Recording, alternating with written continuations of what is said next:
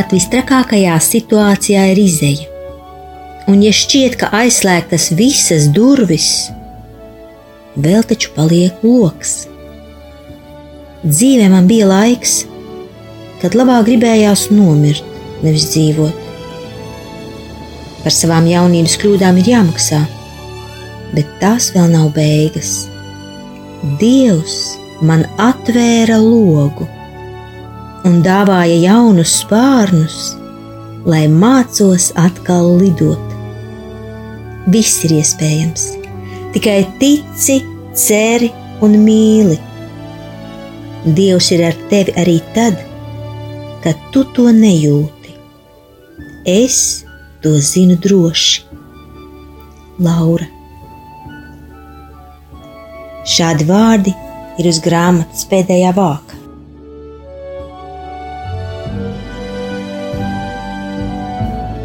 Lasīsim 20. fragment no Lauras Niedres dzīves stāsta, lai baltajiem zirgiem jāpaliek sapnī.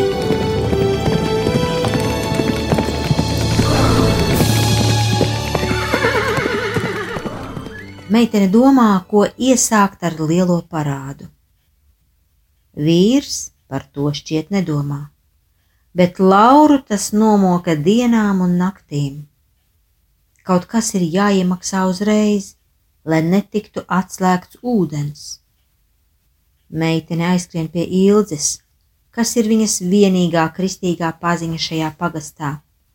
Ilze ir pensionāre, vecmāmiņa, vienīgā, kam Laura var uzticēt savas bēdas. Viņa to nespēja izteikt mutiski, jo nasta ir pārāk liela un meitene zina, ka apraudāsies tāpēc aiznes Ilzei vēstuli. Kad Ilze iztaujās sīkāk, Laura tomēr nenoturas. Līdz ar pirmajiem vārdiem asaras sāka ripot kā pērles. Kad meitene ir kārtīgi izraudājusies uz Ilzes pleca, viņa saņem mierinājumu un stiprinājumu vārdus un apsolījumu, ka kritiskā situācijā Ilze iedos no savas pensijas kādu drusciņu pirmajai iemaksai. Pēc šīs sarunas Laurai kļūst vieglāk elpot. Viņai šķiet, ka viss vēl nav tik bezcerīgi, kā tikko likās. Un situācija tiešām sāk risināties. Laura saņem īziņu no brālēna, kurš strādā īrijā. Meitene izsūdz viņam savas bēdas, un saņem atbildi, ka viņš ar draugu, kurš rīt lido uz Latviju, atsūtīs viņai 150 eiro, lai tikai lidostā sagaidot. Tāda nauda kā no zilām debesīm, tikai viena nelaime. Gatis ir pirmais, kurš neskāpēc atļaujas izlasīt īziņu Lauras telefonā un vīrs ņem grožus savās rokās. Viņš tūlīt ir gatavs vest Lauru rīt uz lidostu. Tikai ar tādu noteikumu, ka meitene nevienam neteiks par aizņēmumu, un ka Gatis būs tas, kas sadalīs naudu. Laurai nekas cits neatliek, kā piekrist. Tikai ar tādu noteikumu, ka Gatis būs tas, kurš brālēnam atdos parādu. Viņš bez vārda runas piekrīt. Kad nauda ir gata rokās, lielāko daļu viņš paņem savām vajadzībām. Par dzīvokli Gatis atliek 40 latus. Laurai iet maksāt vīrs neļauj, viņš iešot pats. Tā nu pirmā iemaksa ir veikta, bet ko tālāk? un Laura nolemj meklēt darbu.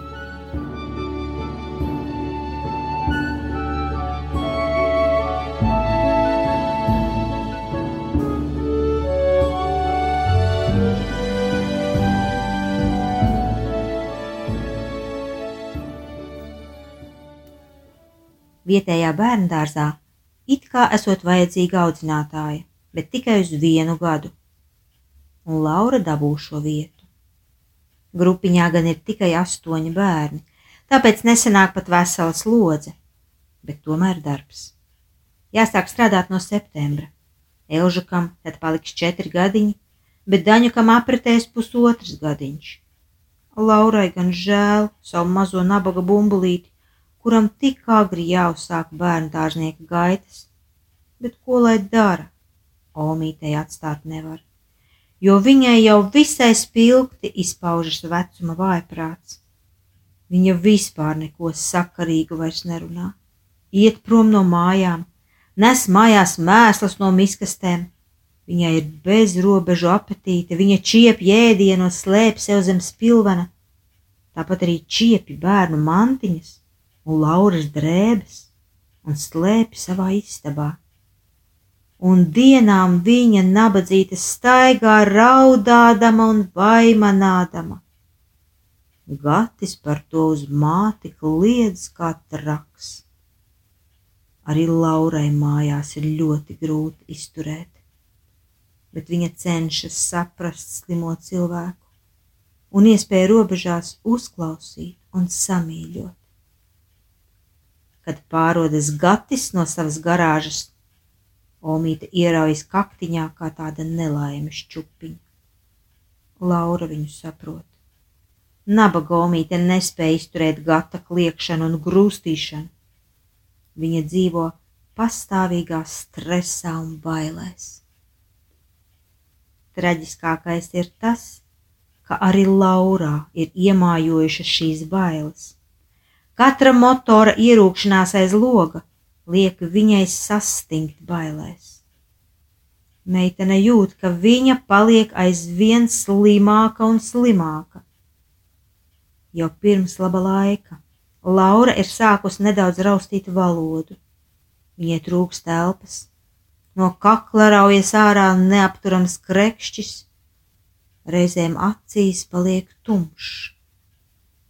Meitenei ir tāda sajūta, ka viņa paliek akla, bet intuīcija saka, ka tas viss ir no nervu spriedzes, no emocionālās vardarbības. Dīvaini, bet Laura pat nemirkli nav iedomājusies, ka varētu atstāt vīru. Viņa tikai lūdzas un lūdzas katru vakaru par viņu, bet kļūst aizvien sliktāk. Vīrs ārdās un vaino visu pasauli, ka viņam neveicas darījumi. Laura ieraujas sevī un lēnām sāk līdzināties Omītei. Bērni kļūst nervozi un nevaldāmi. Laura pēc iespējas cenšas neusturēties mājās. Lai gan viņai vēl nav jāstrādā, meitene ar bērniem dzīvojas pa bērnu dārzu līdz pat vēlam vakaram, kārtodama savu grupiņu. No tā ir arī kāds labums. Ar šīm bezmaksas darba stundām Viņa nopelnīs brīvpusdienas vienam no bērniem. Gatim par to nemaz nekas nav jāzina, jo viņš ir par lepnu, lai pieņemtu brīvpusdienas. Viņš nekad neiet par velti strādāt, lai tās nopelnītu. Vienu vakaru Laura pamana Daniela rokās zāļu paciņu, izsūkātu tukšu Omītes sirdzāles, ārprāts, ak, Dievs, kur viņš tās ir izracis? Lauras teikšus apdomā, ko tagad darīt, un izlemj zvanīt ātrajiem. Kad atbrauc ārsti, Gatis mierīgi paliek otrā istabā pie televizora. Viņš tikai nosaka, arī tas nav nejaušība. Visticamāk, ka kāds ir samaksājis Elīzai vai Jānim, lai iebarot Danielam zāles. Tikai tā. Laura ar Dančuku ir ceļā uz slimnīcu. Šajā vēlajā vakara stundā viņam būs jāpārcieš šausmīgā kuņģa skalošanas procedūra.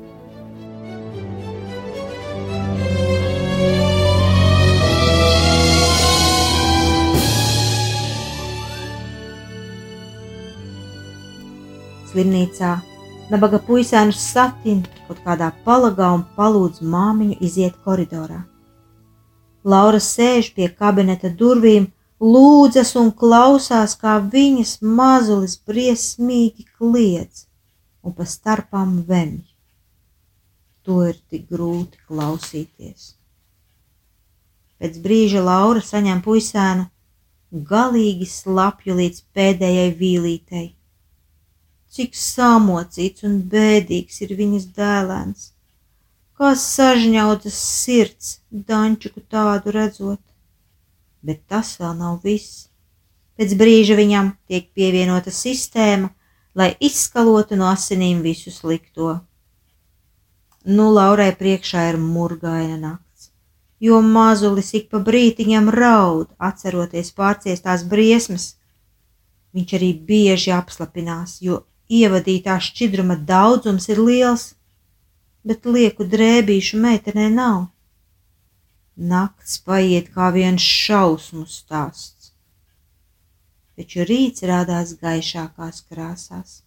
Laura pat izprasās, lai viņus laiž mājās, jo sirdī nemiers par atstāto elžuku. Tā nu viņi čāpo uz šosejas pusi. Gatis jau viņus mājās nevedīs, jo viņam ir svarīgākas darīšanas. Autobus arī tuvākajās stundās nav gaidāms. Autobusi vispār kursē tikai dažas reizes dienā. Viņiem atliek tikai stopot. Pēc vairākiem neveiksmīgiem mēģinājumiem viņiem aptur kāda smagā mašīna, un šoferis laipni aicina iekāpt. Bet pēc kāda gabala viņu ceļi šķiras, un Laura ar mazo atkal paliek kājniekos. Par laimi drīz vien Viņus uzņem kāda vieglā mašīna, kas aizved mazo vainieku līdz pašām mājām. Mājās viss ir kārtībā. Vīrs kaut kur aizbraucis, Laura nekad nezina, kur īsti, jo viņš neatbild uz jautājumiem par savām dienas gaitām. Jānis skolā, Elīza viena pati mierīgi spēlējas. Paldies Dievam! Jau otrā dienā atsākas Lauras un bērnu darba gaitas bērndārzā. Laura ir prieks, ka viņai no bērniem šķiroties nav jāklausās izmisīgās raudās. Varbūt tas tāpēc, ka brālīts un māsiņa iet vienā grupiņā.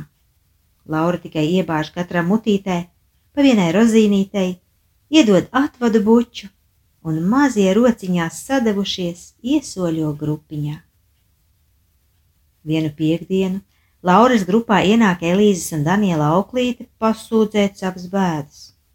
Viņas vīrs esot aizvests uz Rīgu, uz slimnīcu, nesot viņam ne lieku drēbju, ne bārdas skujamā, nekā.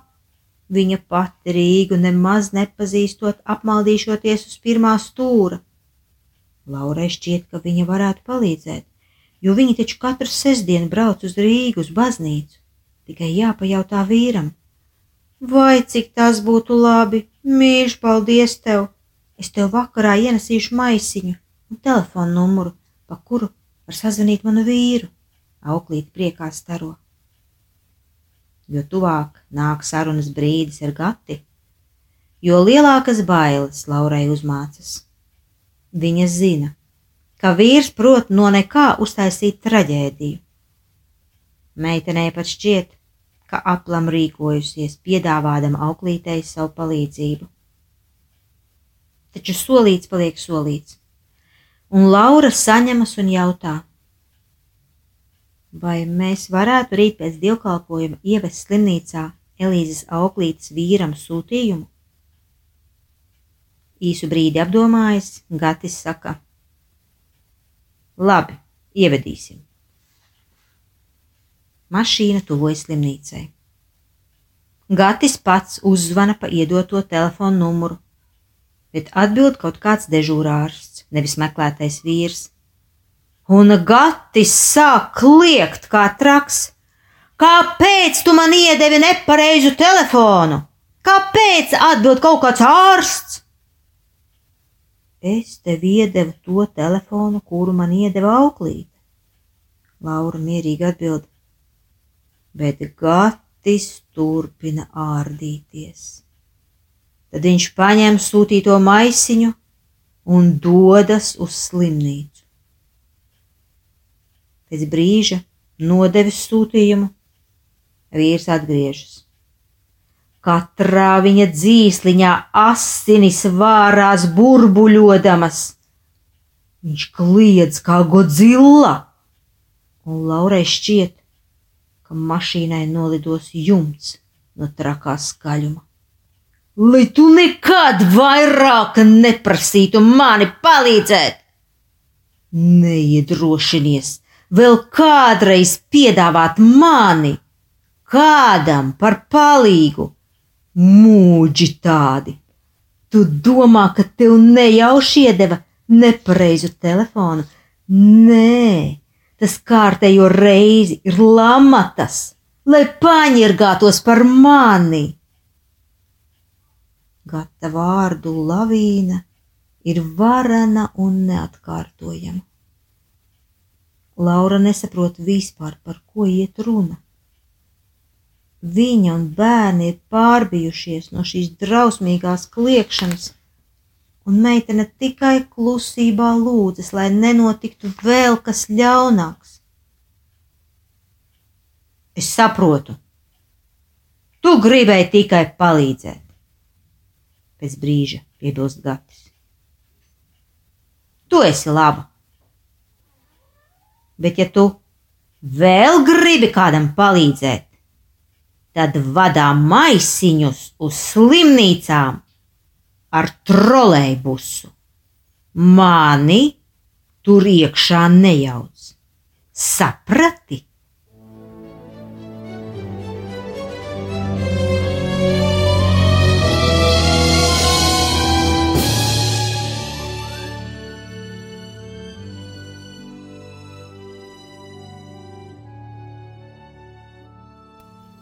Laura saprot tikai vienu. Gatis ir jāliek absolūtā mierā. Nekad nekādu palīdzību no viņa nevar gaidīt, jo katrs lūgums pārtop konfliktā. Un Laura jau no galvas zina šos vīru stāstīņus par uzpirktiem skolotājiem, bērniem, policistiem, pārdevējiem visa Latvija gati pazīstot. Nekur viņam nesot miera. Viss tiekot veidots, lai paņirgātos par viņu, lai izgāstu viņa darījumus, lai izjauktu ģimeni. To Gatis stāsta katru vakaru, un Laurai no šiem stāstiem kļūst grūti elpot. Pa to laiku Viņi jau ir piebraukuši pie Lauras vecāku mājas, kā jau katru sestdienu, un kā jau vienmēr Gatis pamatīgi pielicis vēderu, atstiepjas uz dīvāna, kamēr Laura visu pēcpusdienu darbojas ar bērniem, un kā jau vienmēr vecāki ir sagatavojuši meitiņai ceļa maizi, jo jūt, ka Lauriņai neklājas diezko viegli, lai gan meitene nekad nav sūdzējusies. Parasti tur ir kāda desa vai sardele, un vēl šis tas, ko paņemt līdzi. Visbiežāk mājās gan tas viss nonāk gatavēderā, kamēr viņš dzīvojas pa nakti augšā filmas skatīdamies. No rīta brokastīm labi, ja palikušas katram pāris desas šķēles, ko uzlikt uz maizītes. Protams, ja vēl ir maize. Ja Laura kaut ko par to saka, tad Gatis sapūšas un uzmet lūpu. Ak, tā! Tātad tev žēl? Es pat ēst vairs nedrīkstu. Un vakars atkal ir sabojāts. Laura vairs nesaka neko. Tomēr žēl, ka bērniem nekas nepaliek no vecāku dotā. Viņi ar to varētu iztikt gandrīz nedēļu, ko Gatis notiesā vienā naktī. Un Laurai ienāk prātā, ka daļu ceļa maizes varētu noslēpt balkonā un celt galdā tikai tad, kad Gatis būs aizbraucis savās darīšanās. Tā viņa arī dara, un iztikt kļūst daudz vieglāk. Laurai gan šāda slēpšana nevisai patīk, tomēr citu risinājumu meitene neatrod, jo Gatis mājās nenes neko, bet, kad atgriežas, tad notiesā visu, ko atrod. Ja Jānis tajā brīdī ir treniņā, tad viņš nereti paliek bez vakariņām. Laura gan cenšas vīru brīdināt, ja Jānis vēl nav ēdis, taču citreiz viņa ir izgājusi pagalmā, un tad lielais puika atrod tikai tukšu pannu. Gatim pašam pat prātā neienāk, ka vajadzētu pajautāt, vai visi jau pēduši. Protams, piekdienās pēc vecas tradīcijas vīrs mājās pārnes ledenes, ābolus un bulciņus, dažreiz arī zivi.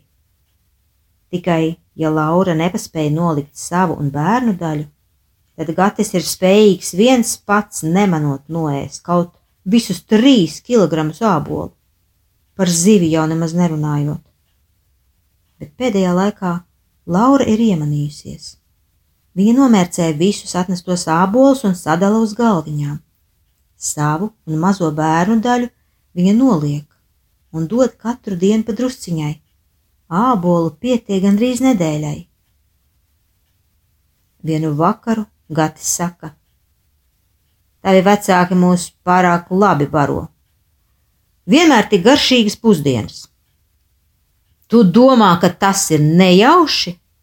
Nē, tas ir tāpēc, lai paņirgātos par mani, ka es nevaru jūs tā uzturēt un nav izslēgts, ka kāds viņiem par to maksā.